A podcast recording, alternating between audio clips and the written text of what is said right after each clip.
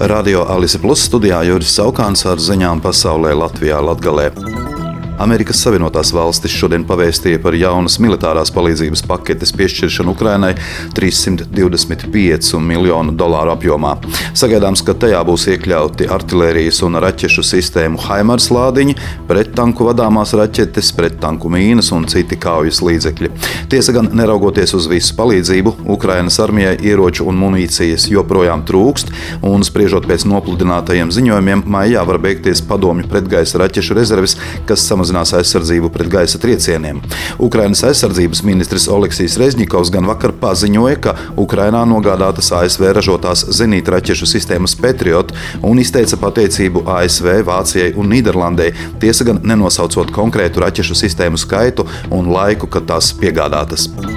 Vairāku Vācijas lidostu darbinieki šodien sāka streiku saistībā ar nesaskaņām starp sabiedriskajā sektorā strādājošajiem un darba devējiem par atalgojumu sistēmu. Streiki Diseldorfas, Ķelnes, Bonnas un Hamburgas lidostās paredzēti gan šodien, gan rīt, bet Študgartas lidostā strādājošie streikos tikai piekdien. Pēc lidostu asociācijas ADV aplēsēm šodien kopumā varētu tikt atcelti aptuveni 700 lidojumi. Valsts prezidents Egils Levits šā gada 19. aprīlī ar rīkojumu numur viens par Latviešu vēsturiskās zemes latgales karogu ir apstiprinājis Latviešu vēsturiskās zemes latgales karogu tumši zilu ar baltu horizontālu svītru. Kā pamatojums šādam lēmumam rīkojumā ir minēta Latviešu vēsturisko zemju likuma 3. panta 3. daļa, Latviešu vēsturisko zemju attīstības padomes šā gada 3. aprīļa priekšlikums un Valsts heraldikas komisijas 17. aprīļa atzinums atzinums.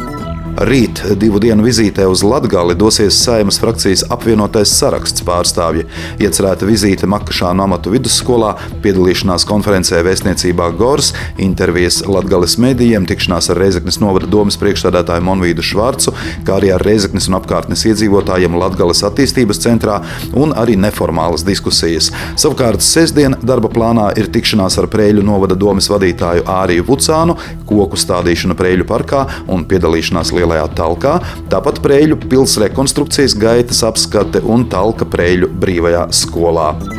Jaunatnes starptautisko programmu aģentūra izsludinājusi atklāto projektu konkursu Latvijas pašvaldībām.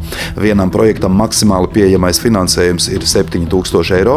Kopējais konkursā pieejamais finansējums no valsts budžeta līdzekļiem ir 84,000. Konkursa mērķis - veicināt sistēmas izveidi vai pilnveidi darbam ar jaunatni pašvaldībās, tāpat veicināt digitālā un mobilā darba ar jaunatni attīstību, kā arī jauniešu ar ierobežotām iespējām iekļaušanu un sadarbību ar jaunatnes organizācijām organizācijām. Projektus konkursam var iesniegt līdz 21. maijam.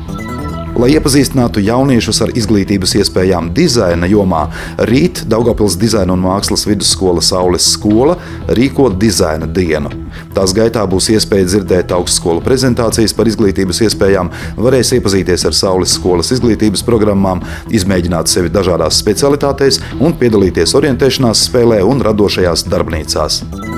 Saistībā ar ceļa izbūves darbiem Daugopilī cietokšņa ielā no 20. aprīļa līdz maija vidum atsevišķos ielas posmos tiks ieviesti satiksmes ierobežojumi. Vairākas dienas nedarbosies Luksafors cietokšņa un parādas ielu krustojumā, bet sakarā ar asfalta frezēšanu cietokšņa ielas posmā no Sakņu ielas līdz Rīgas ielai satiksme būs reorganizēta, tādēļ transporta līdzekļu vadītāji tiek aicināti sekot ceļa zīmēm un norādēm. Ziņu apskatu pasaulē Latvijā Latgalē veidoja Radio Alise Plus informācijas un ziņu dienests. Studijā bija Juris Saukāns.